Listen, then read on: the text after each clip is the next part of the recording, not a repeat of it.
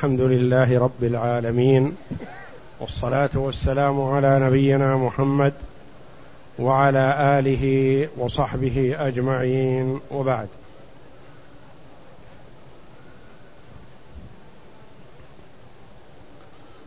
تقدم لنا طريقة معرفة طريقة قسمة التركات. وعرفنا فيها ثلاث طرق. الطريقة الأولى هي أن نضرب العدد الأول في العدد الرابع ونقسم على العدد الثاني والناتج هو العدد الثالث المجهول.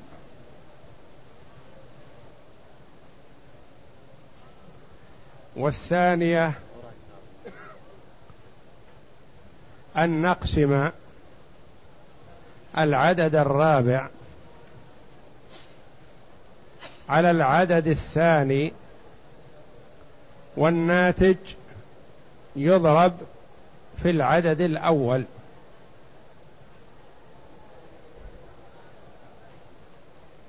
وهذه أيسر من تلك لأن فيها القسمة قبل الضرب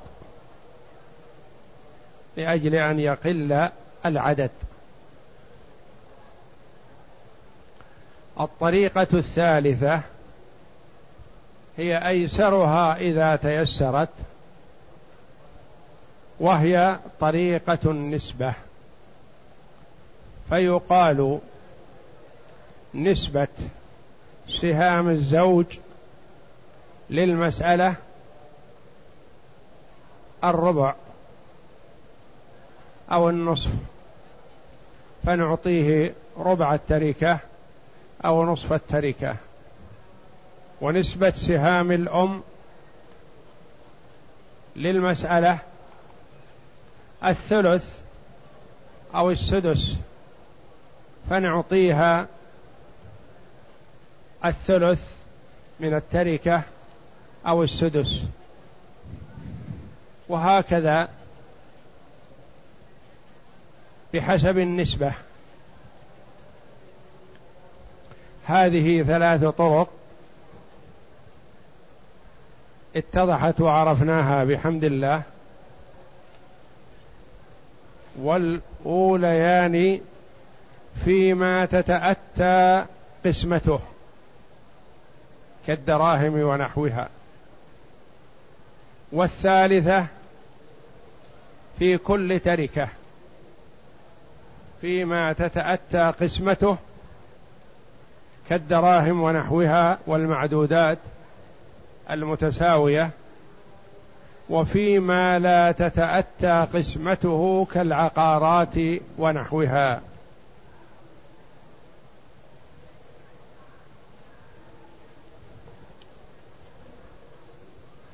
بقي أن نعرف طريقة القسمة بالنظر إلى القيراط. وهذا أشمل بحيث أنه يشمل كل تركة. ممكن أن تقسم عن طريق القيراط. والقيراط هو ثلث الثمن أو ثمن الثلث سيان. ومخرج القيراط من أربعة وعشرين.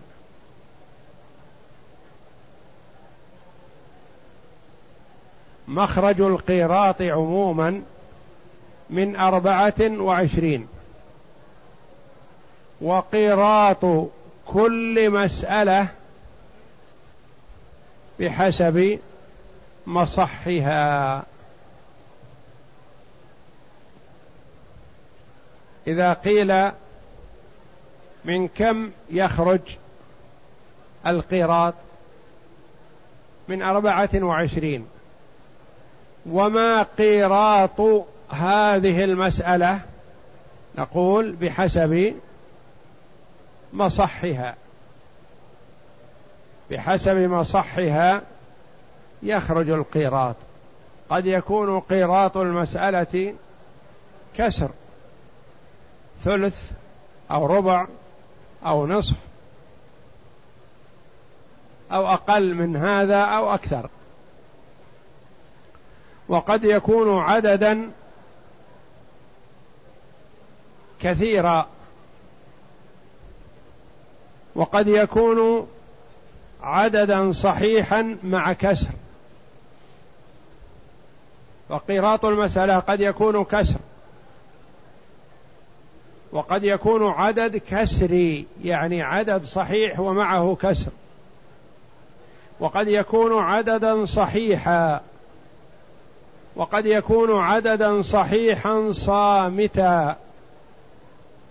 وقد يكون عددا صحيحا مركبا. فبحسب المسألة ومصحها يعرف قيراطها.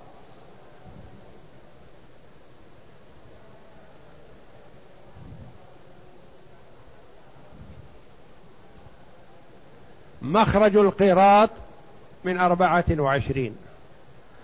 مخرج القيراط عندنا هذا سيكون بمثابة التركة بمثابة عدد التركة.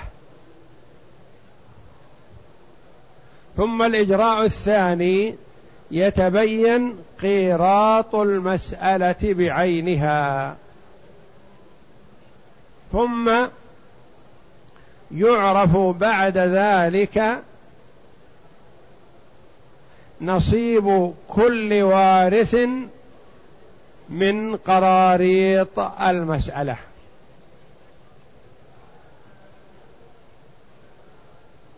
لأن مخرج القيراط لا يختلف من أربعة وعشرين.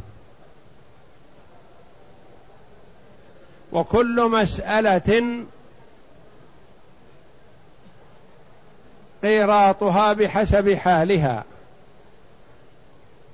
لكنها لا تزيد قراريطها عن أربعة وعشرين. قد يكون للوارث عشرة وثمانية واثنى عشر قيراط وقد يكون له نصف أو ربع أو عشر القيراط.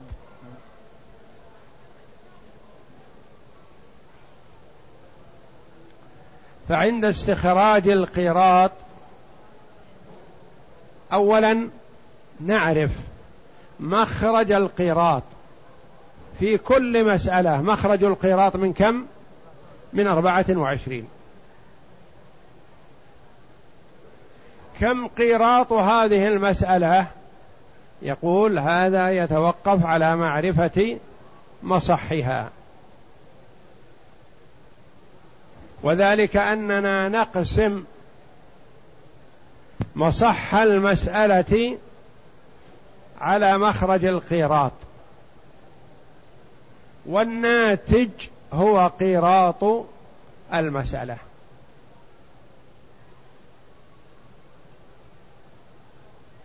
فإذا أردنا معرفة ما لهذا الوارث من القراريط قسمنا نصيبه من مصح المسألة على مخرج القيراط. والناتج هو نصيبه من قراريط المسألة. ويتضح هذا بالمثال. اقرأ. إذا إذا كانت مما لا تمكن قسمته فما هي الطريقة إلى قسمتها؟ لا تمكن قسمته كالعقارات مثلا. والممتلكات المتفاوتة. نعم. لقسمتها طريقتان. لقسمتها طريقتان. الطريقة الأولى نعم. طريق النسب وتقدم الكلام عليها. طريقة النسبة.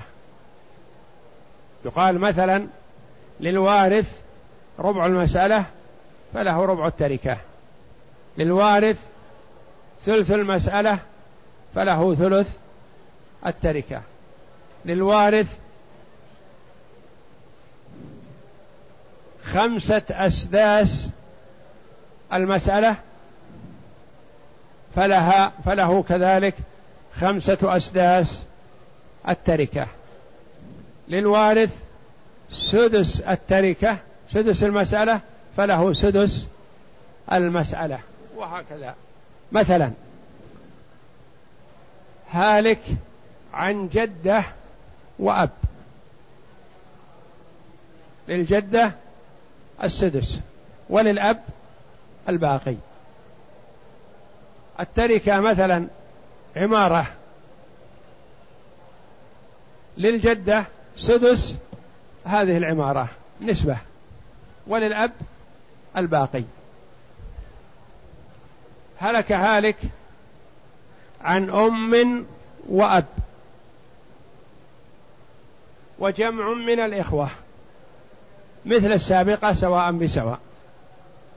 هلك هالك عن أم وأب بدون إخوة. المسألة من ثلاثة. للأم الثلث وللأب الباقي. كم للأم من التركة؟ بما أن لها ثلث المسألة فلها ثلث التركة. وللأب ثلث المسألة فله ثلث التركة.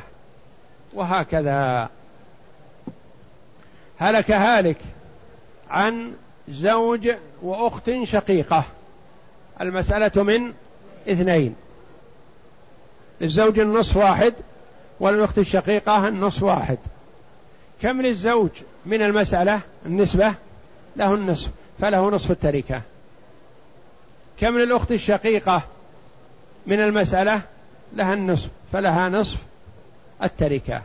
وهكذا هذه طريقة النسبة هي سهلة وتصح في كل تركة.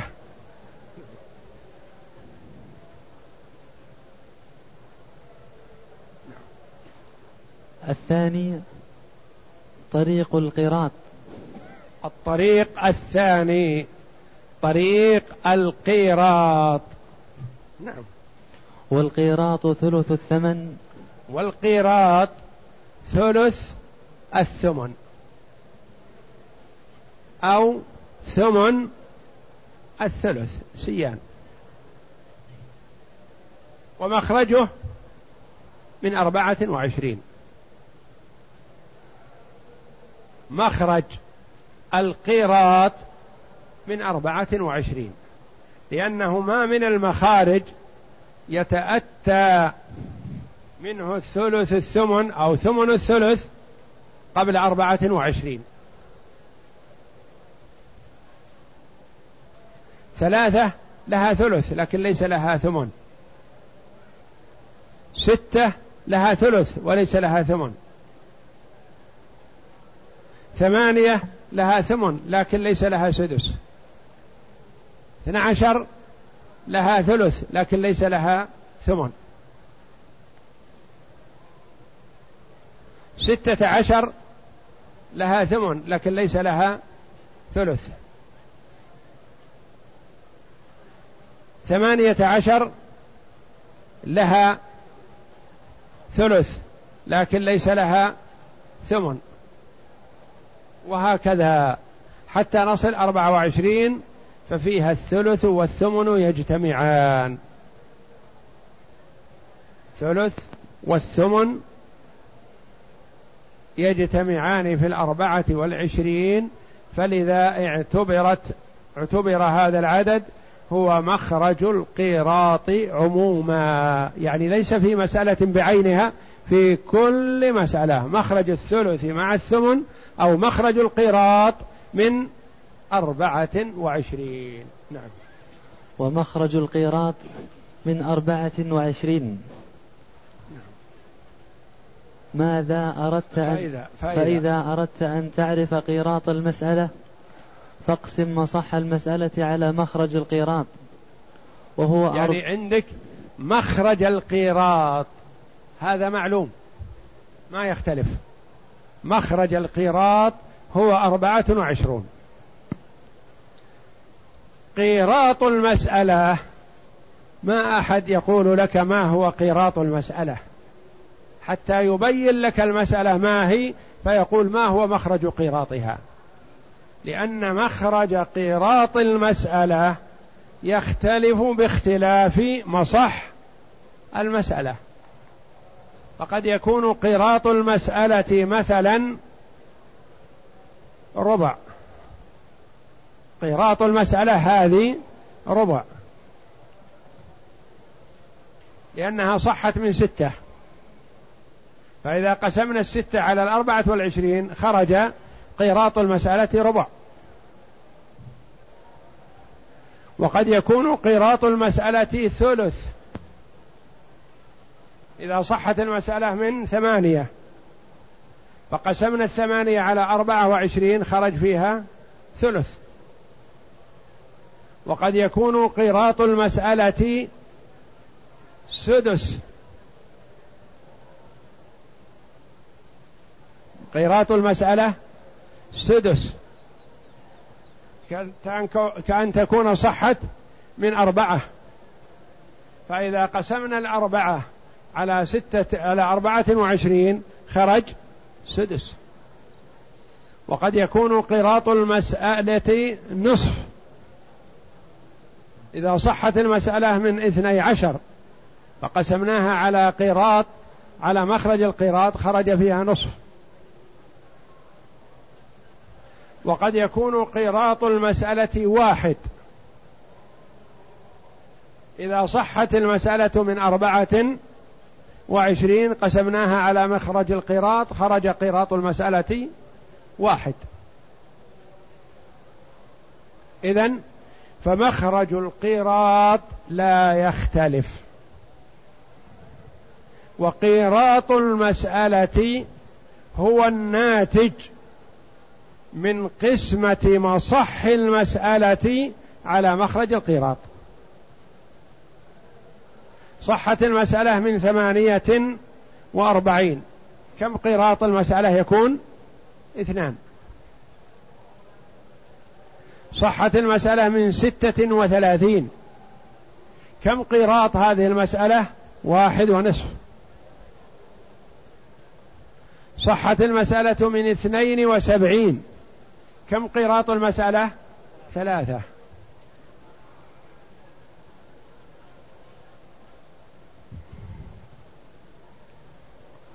صحت المسألة من ستة وتسعين.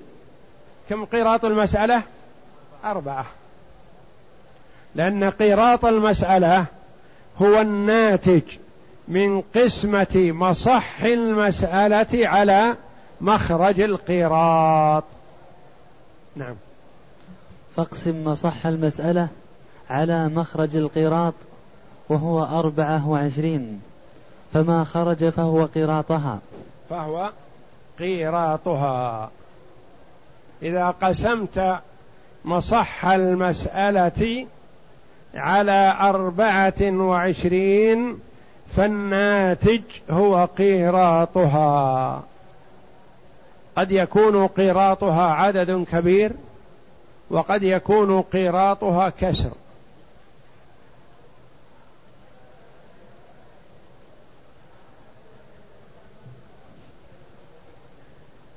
قد يكون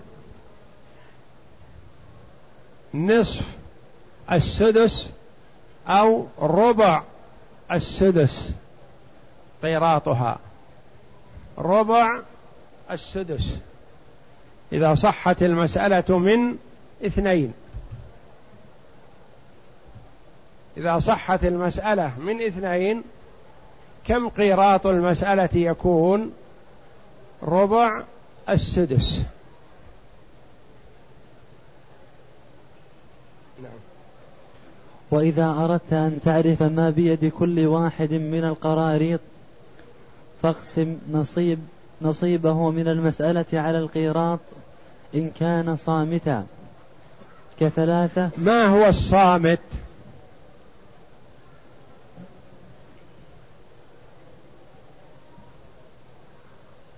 فاقسم نصيبه على القيراط يعني قيراط المسألة. قيراط المسألة قد يكون صامت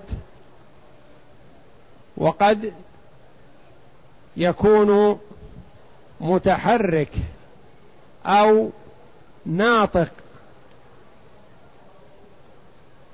أو مركب. الصامت ويسمى الأصم هو العدد الفردي الذي ما تركب من ضرب عدد في عدد. مثل ثلاثة. هذا نسميه صامت. لأنه ما تركب من ضرب عدد في عدد. خمسة. نسميها صامت. سبعة. نسميها صامت. ما رأيك في تسعة؟ نسميها صامت؟ لا. تركبت من ضرب ثلاثة في ثلاثة. عشرة؟ لا. إحدى عشر؟ نعم. صامت. إحدى عشر؟ ما تركبت من ضرب عدد في عدد. اثنى عشر؟ لا. ثلاثة عشر؟ نعم. صامت. أربعة عشر؟ لا. خمسة عشر؟ لا. ستة عشر؟ لا. سبعة عشر؟ نعم. صامت. ثمانية عشر؟ لا. تسعة عشر؟ صامت. عشرون؟ لا. واحد وعشرون؟ لا. ثلاث وعشرون؟ نعم. صامت. أربع وعشرون؟ لا. ناطق. وهكذا. فالصامت هو ما لم يتركب هو الذي لم يتركب من ضرب عدد في عدد. مثل يبدأ من ثلاثة. وخمسة وسبعة وأحد عشر وثلاثة عشر وسبعة عشر إلى آخره. كثير. نعم. إن كان صامتا كثلاثة وخمسة ونحوهما. وهو ما لا يتركب من ضرب عدد في آخر ويسمى الأصم. يسمى أصم ويسمى صامت. يعني غير نعم. قابل للتحريك غير قابل للتجزئة غير قابل للفك. نعم. فما خرج فهو له قراريط. وإن كان فما خرج فهو له قراريط. وصح المسألة مثلا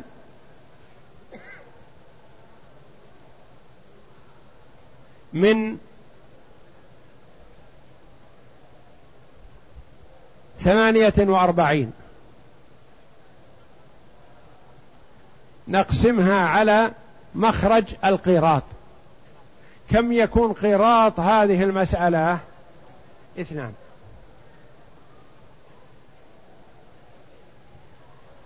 نصيب الوارث هذا من ثمانية وأربعين نصيبه أربعة وعشرون النصف. كيف نعرف كم له من قيراط؟ نقسم أربعة وعشرين على اثنين فيخرج له اثنى عشر قيراط. أعمل ذهنك معي. إذا كان له أربعة وعشرين من ثمانية وأربعين كم له؟ النصف. والقراريط كلها قراريط المسألة يعني ما تزيد قراريط. أي شيء أي تركة ما تزيد قراريطها عن أربعة وعشرين. فإذا كان له أربعة وعشرين من ثمان وأربعين عرفنا أن له نصف القراريط بالضبط. اثنى عشر قيراط. يعني أي تركة ما تزيد قراريطها عن أربعة وعشرين أبدا. وقيراط المسألة يتفاوت. لأن قيراط المسألة قد يكون عددا كبيرا وقد يكون كسرا.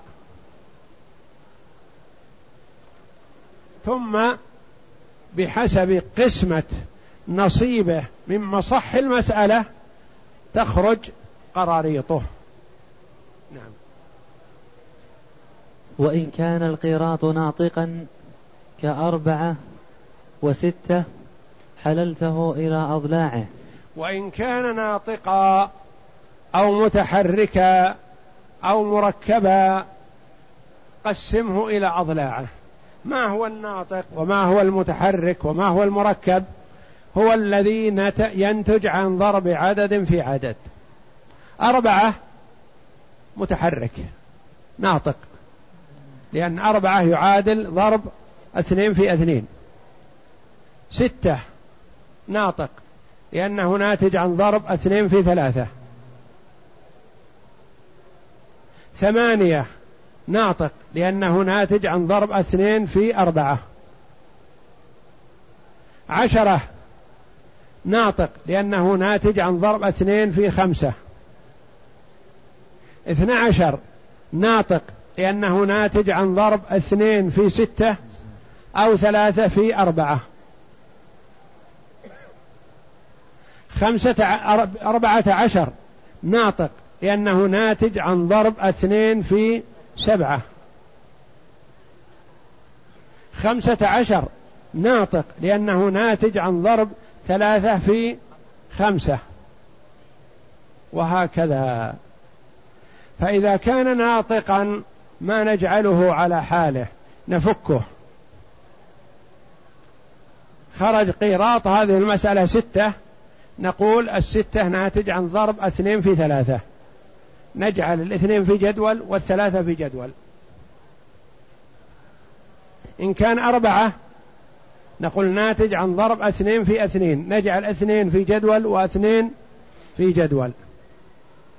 إن كان ثمانية نقول ناتج عن ضرب اثنين في ثمانية. نجعل اثنين في جدول والثمانية في جدول. وهكذا.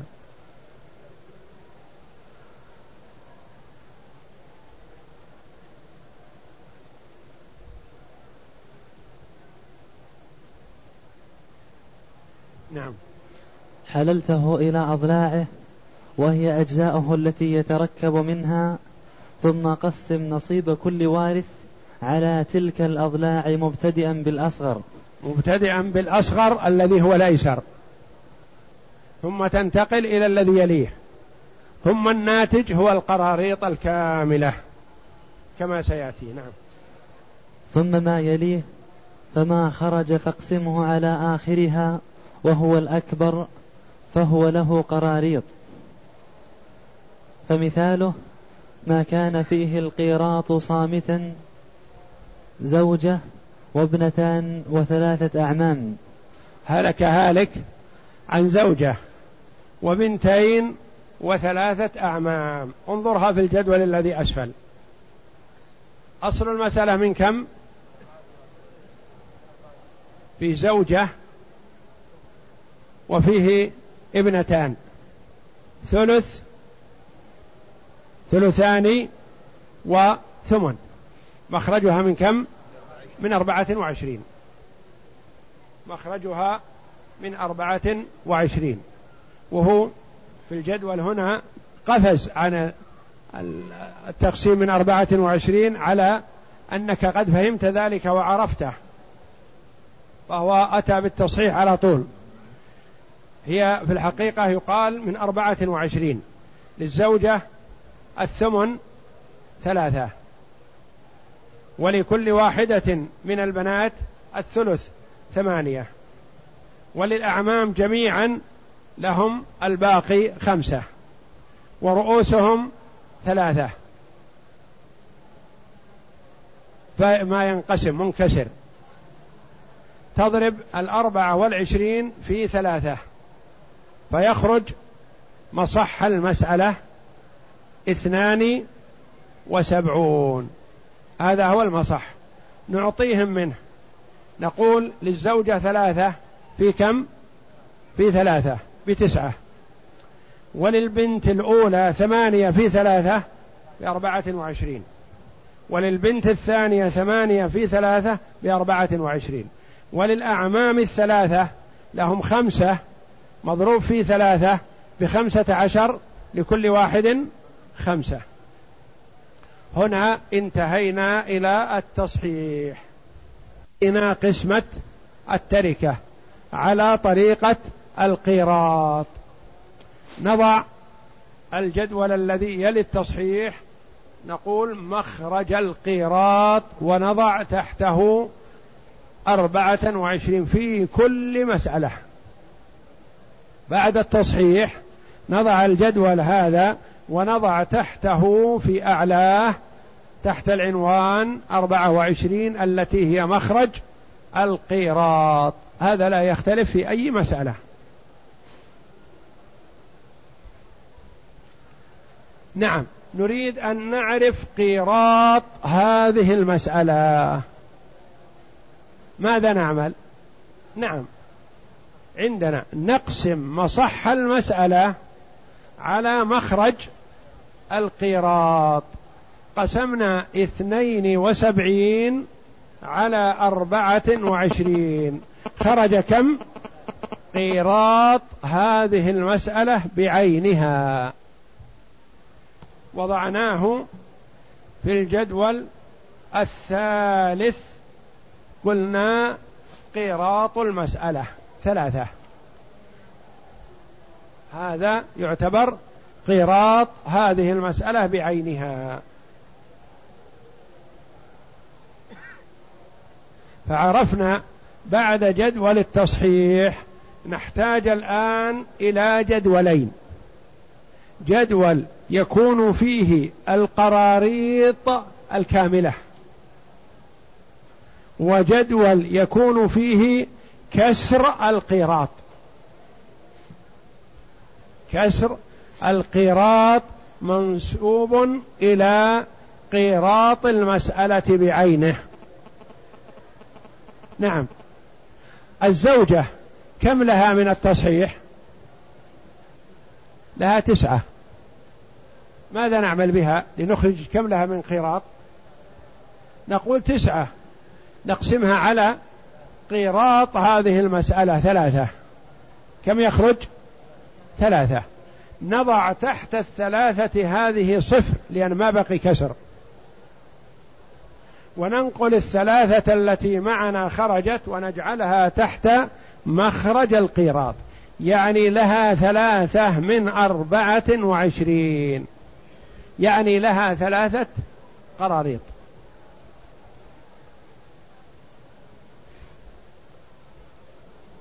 البنت الأولى لها أربعة وعشرون. نقسمها على ماذا؟ على الثلاثة أولا. على قراط هذه المسألة. قسمنا أربعة وعشرين على الثلاثة. كم يخرج؟ ثمانية. وكم يبقى؟ ما بقي شيء. نضع تحت الثلاثة صفر. وننقل الثمانية إلى مخرج القيراط يعني لها ثمانية من أربعة وعشرين. يعني لها ثمانية قراريط. البنت الثانية مثلها. انتبه للأعمام. العم الأول له كم؟ خمسة. ماذا نعمل بها هذه؟ خمسة. هي قراريط؟ لا. أجزاء من القيراط لا. ما ندري. كيف نعرف ماذا للعم من القراريط؟ نقول نعم المسألة سهلة. نقسم الخمسة على قيراط المسألة على ثلاثة. اقسم خمسة على ثلاثة كم ينتج؟ ينتج واحد. وكم يبقى؟ اثنان. الباقي هذا يعتبر كسر. نضع الاثنين تحت الثلاثة. وننقل الواحد الصحيح تحت الأربعة والعشرين. يعني يكون للعم له قيراط واحد. فقط لا. وله اثنان من ثلاثة من القيراط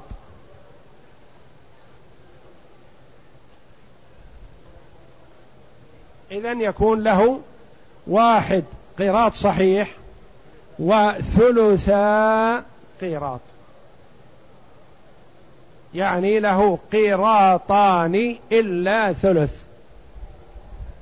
له قيراط وثلثا قيراط.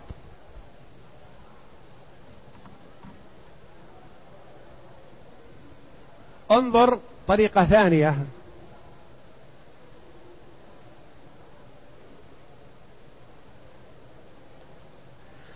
البنت قلنا لها أربعة وعشرين. أربعة وعشرين يا ترى من ماذا؟ من اثنين وسبعين. انسب الأربعة والعشرين إلى الاثنين والسبعين كم تكون؟ ثلث. كم نتج لها من القراريط؟ ثلث القراريط لأن القراريط أربعة وعشرين وصار لها ثمانية. فهي هي هذه الطريقة أو طريقة النسبة.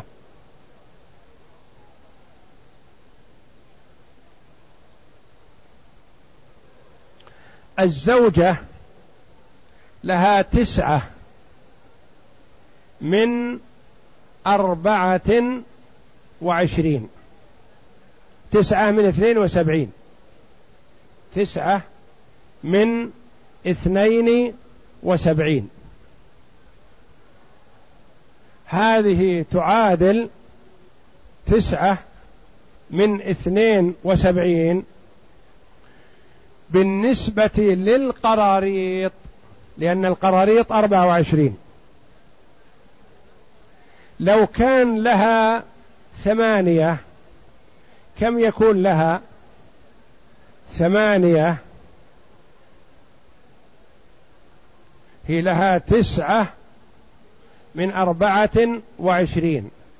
لها ثلاثة ثلاثة من أربعة وعشرين أو تسعة من سب من اثنين وسبعين.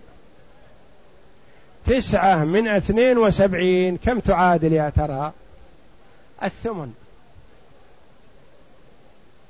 ثمن الاثنين والسبعين كم؟ تسعة. وثمن الأربعة والعشرين كم؟ ثلاثة. هي هي. لها ثلاثة قراريط يعني عبارة عن ثمن القراريط المجموعة. القراريط المجموعة أربعة وعشرين لها ثلاثة منها. كم صار لها؟ الثمن. الأعمام الأول من الأعمام له خمسة من اثنين وسبعين. أربعة وعشرين ثلث الاثنين والسبعين.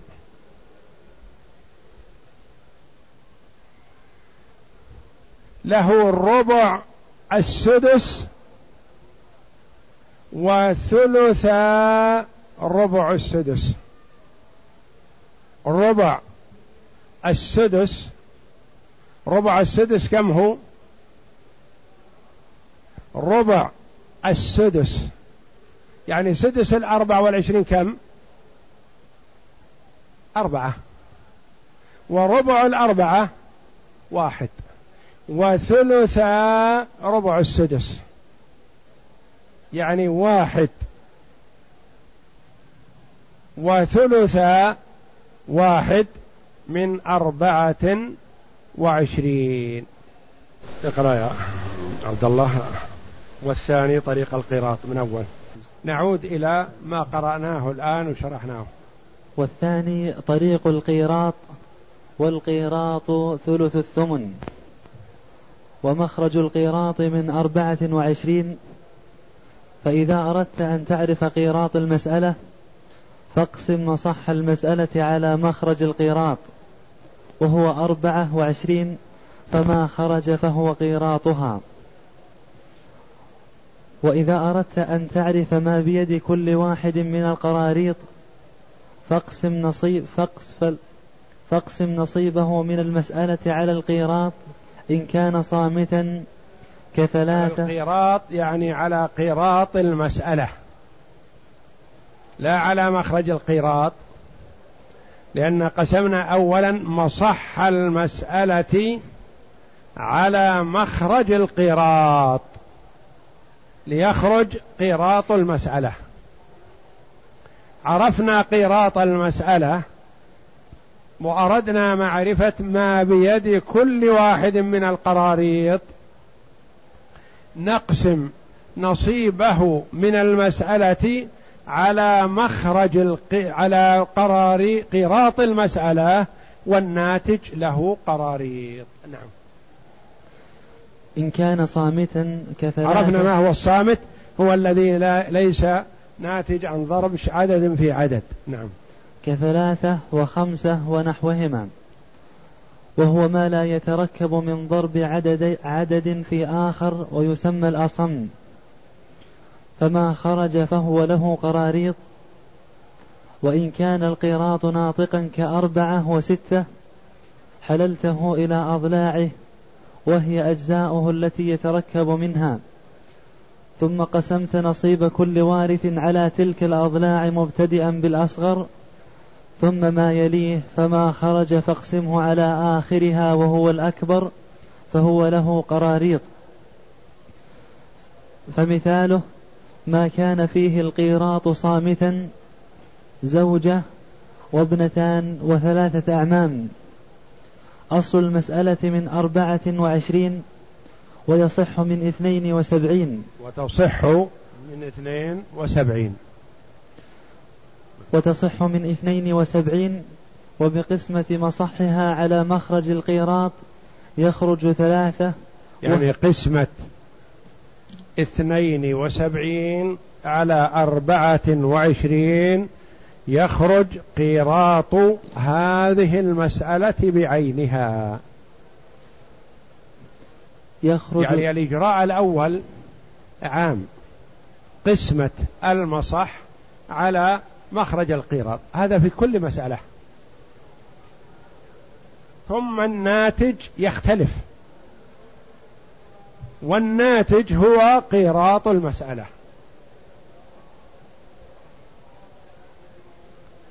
فالخطوات اولا التأصيل هذا معلوم.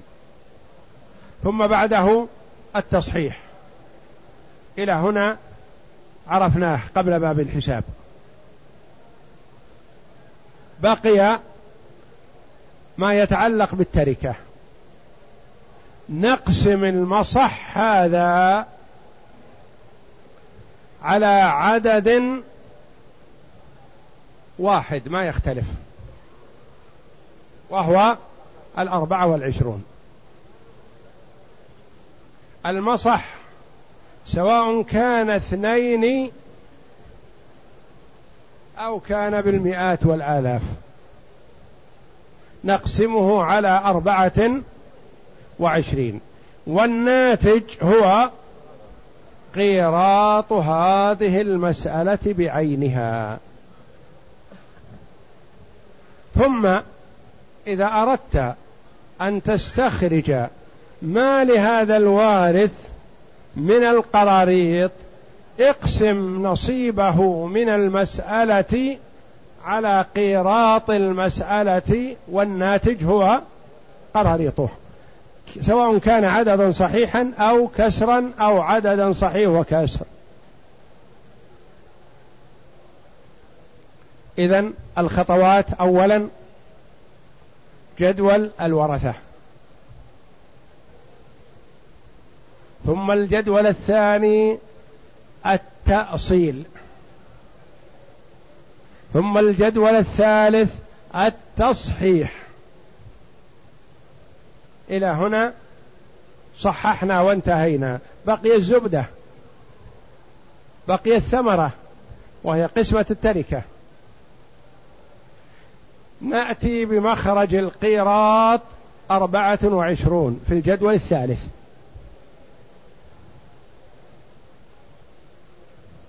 نقسم مصح المسألة على مخرج القيراط والناتج هو قيراط هذه المسألة. فإن كان عددا صامتا وضعنا له الجدول الذي يلي مخرج القيراط. وإن كان عددا ناطقا حللناه فككناه. ووضعنا له جدولين. جدول للعدد الصغير وجدول للعدد الكبير. ثم يليه بعد ذلك مخرج القيراط.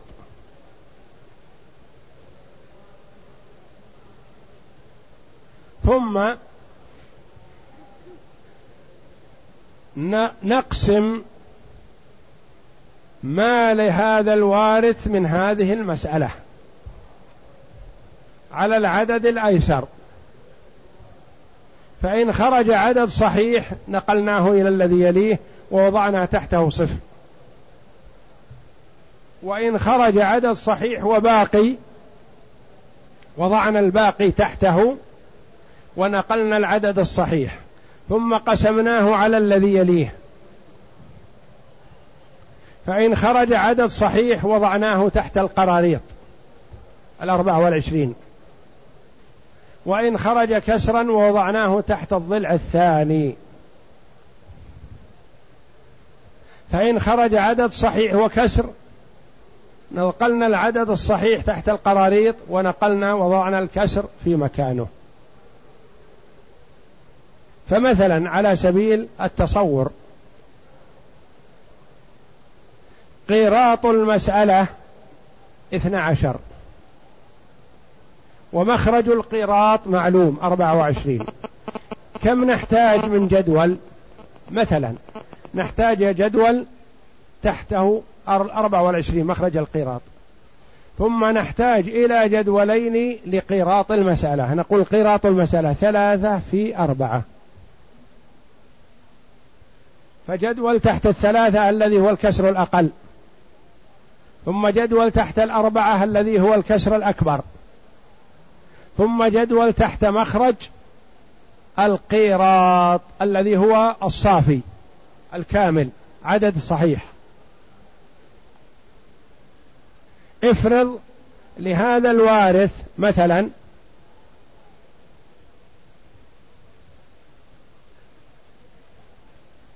ثمانية وعشرون فرضا. سهامه ثمانية وعشرون. كيف نستخرج قيراطه؟ كم له من قيراط؟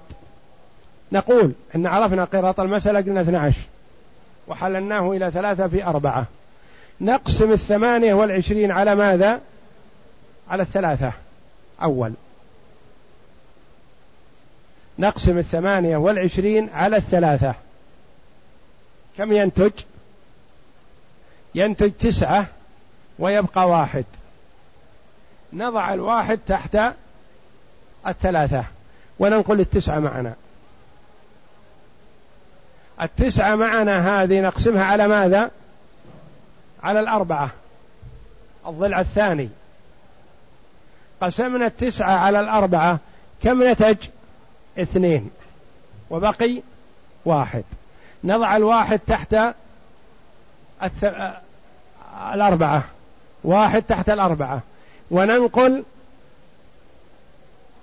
الاثنين تحت القراريط. يكون لهذا الوارث مثلا قيراطان. وواحد من أربعة يعني ربع. وواحد من ثلاثة من الربع ثلث الربع.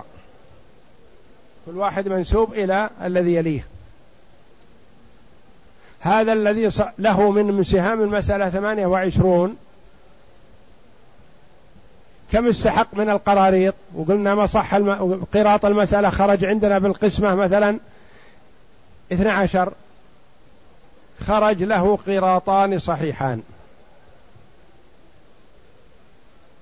وخرج له واحد من اثنين من من القيراط يعني نصف. وخرج له واحد من ثلاثة من اثنين من أربعة؟ لا. لا. هذا الذي له ثمانية وعشرون. له قراطان صحيحان. وله واحد من أربعة. واحد منسوب إلى الأربعة التي فوقه. واحد من أربعة يعني له ربع. وله واحد من ثلاثة من أربعة يعني واحد. يعني ثلث الربع. له اثنان صحيحان. وله ربع وله ثلث الربع. لأن كل رقم منسوب إلى ما فوقه منسوب إلى من؟ على يمينه. فالاثنان الصحيحان منسوبان إلى القراط.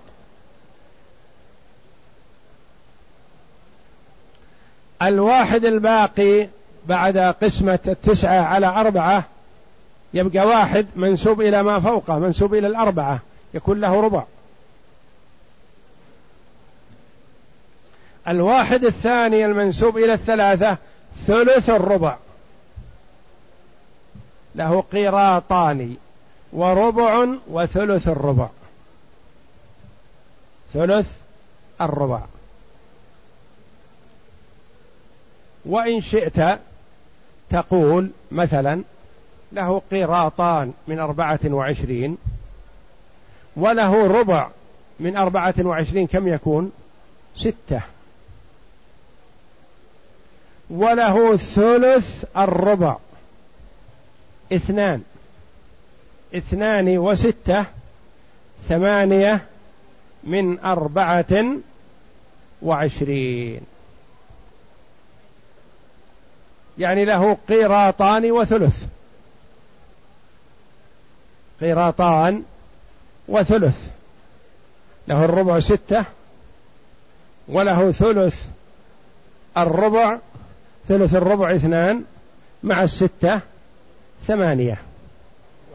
والثاني طريق القيراط والقيراط ثلث الثمن ومخرج القيراط من أربعة وعشرين. فإذا أردت أن تعرف قيراط المسألة فاقسم مصح المسألة على مخرج القيراط وهو أربعة وعشرين فما خرج فهو قيراطها وإذا أردت أن تعرف ما بيد كل واحد من القراريط فاقسم نصيبه من المسألة على القيراط إن كان صامتا كثلاثة وخمسة ونحوهما. وهو ما لا يتركب من ضرب عدد في آخر ويسمى الأصم. السبعة صامت أم ناطق؟ صامت. التسعة صامت أو ناطق؟ ناطق. الإحدى عشر صامت أم ناطق؟ صامت, صامت. الثلاثة عشر صامت. السبعة عشر التسعة عشر. واحد وعشرون. ناطق ثلاثة وعشرون. صامت. خمسة وعشرون. ناطق ستة وعشرون. ناطق سبعة وعشرون. ناطق ناطق سبعة وعشرين. ثلاثة في تسعة. ثمانية وعشرون. كذلك. تسعة وعشرون. صامت. ثلاثون. ناطق. واحد وثلاثون. صامت. وهكذا. نعم. فما خرج فهو له قراريط. وإن كان القيراط ناطقا كأربعة وستة. ناطق هو ما تركب من ضرب عدد في عدد. اثنين في ثلاثة. اثنين في أربعة. ثلاثة في أربعة. ثلاثة في خمسة. خمسة في خمسة. ستة في ستة. وهكذا. حللته إلى أضلاعه وهي أجزاؤه التي يتركب منها. ثم قسمت نصيب كل وارث على تلك الأضلاع مبتدئا بالأصغر. مبتدئا بالأصغر. إذا كان مثلا 12 يصح أن تجعلها اثنين وستة ويصح أن تجعلها ثلاثة وأربعة اللي تركب منها يصح. إذا كان قراط المسألة مثلا تسعة تقول ثلاثة في ثلاثة والأول كسر كامل والثاني كسر منسوب إلى الكسر الأول. ثم ما يليه فما خرج فاقسمه على آخرها وهو الأكبر فهو له قراريط. يعني المقسوم على آخر الكسور يكون قراريط والمقسوم على الذي يليه يكون منسوبا إليه وهكذا.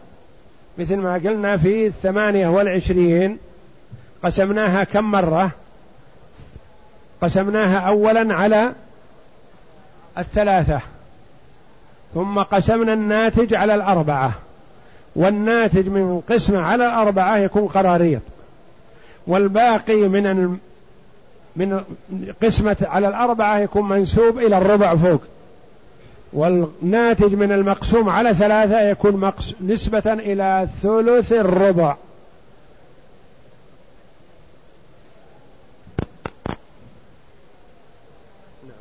فمثاله ما كان فيه القيراط صامتا زوجة وابنتان وثلاثة أعمام. أصل المسألة من أربعة وعشرين وتصح من اثنين وسبعين. وبقسمة مصحها على مخرج القيراط يخرج ثلاثة وهي قيراطها.